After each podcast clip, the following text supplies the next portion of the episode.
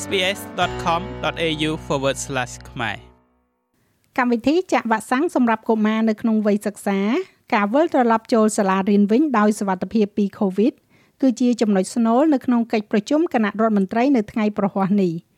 បណ្ដាមេដឹកនាំរដ្ឋនិងដែនដីនានាកំពុងតែមមាញឹកនៅក្នុងការធានាអះអាងជាថ្មីម្ដងទៀតចំពោះមេដាបេដាសិស្សជាមួយនឹងការត្រៀមរៀបចំផែនការសុវត្ថិភាព COVID នៅមុនពេលបវេសនកាល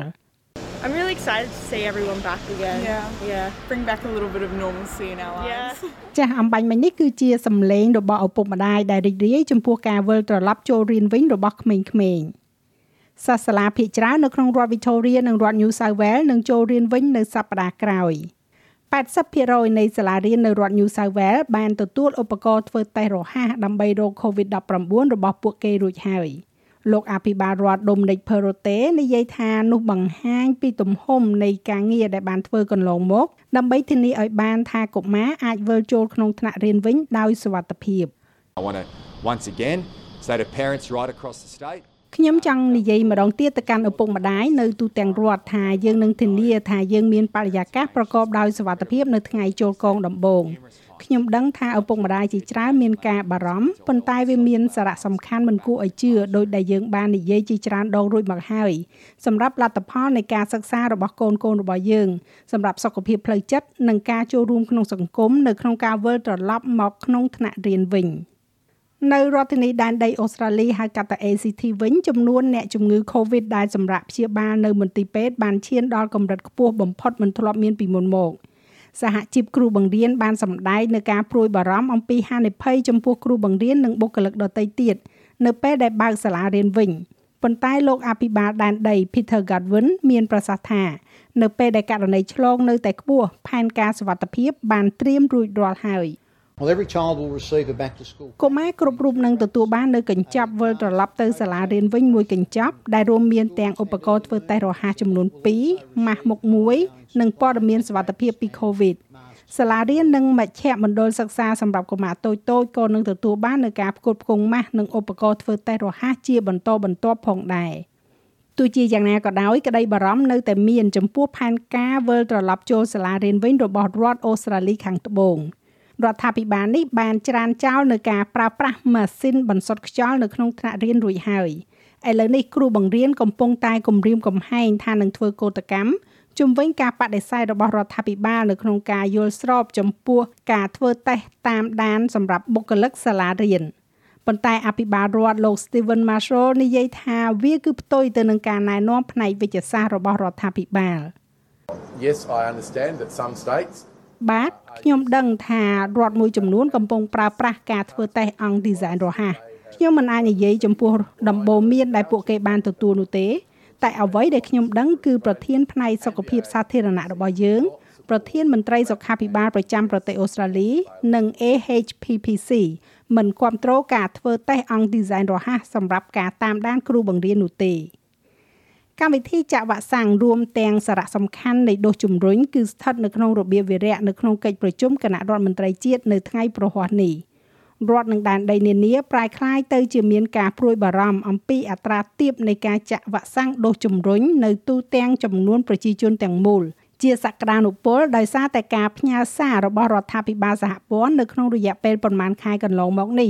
ថាអូមីក្រុងឆ្លងខ្លាំងជាងក៏ប៉ុន្តែស្រាលជាងអំបូរមុនមុនៗ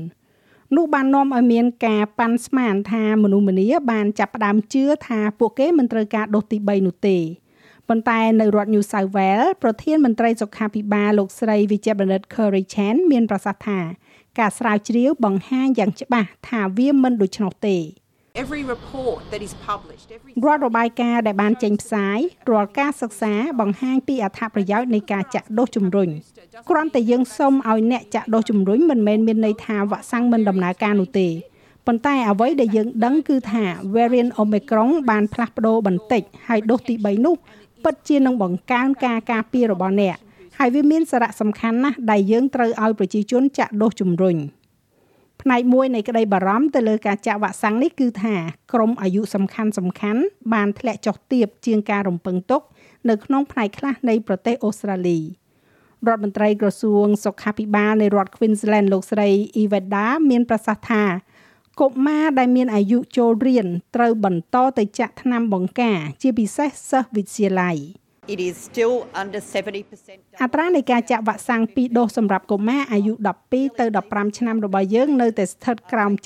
70%ខ្ញុំពិតជារីករាយដែលឃើញអត្រានៃប្រជាជនជនជាតិដើមដំបូងរបស់យើង មានអត្រាខ្ពស់ជាងនោះប៉ុន្តែចំពោះក្មេងអាយុពី12ទៅ15ឆ្នាំតួលេខនៅតែទាបពេកក្មេងៗទាំងនេះនឹងត្រូវត្រឡប់ទៅវិទ្យាល័យវិញក្នុងពេលឆាប់ៗនេះ អ្វីដែលយើងមិនត្រូវការនោះគឺពួកគេកាន់តែប្រថុយទៅនឹងការឆ្លង និងចម្លងដល់អ្នកដទៃហើយជាការពិតណាស់គឺការចូលសម្រាប់ព្យាបាលនៅមន្ទីរពេទ្យនៅឯសាលារៀន Santa Sabina College សារសុវត្ថិភាព COVID ប្រកាសជាត្រូវបានស្ដាប់ឮ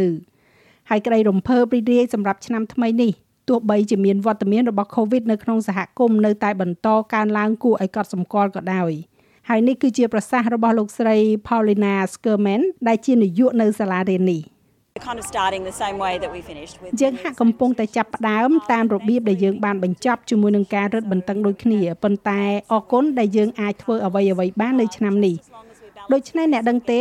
យើងអាចមានការបោះជំរំយើងអាចមានការប្រកួតហែលទឹក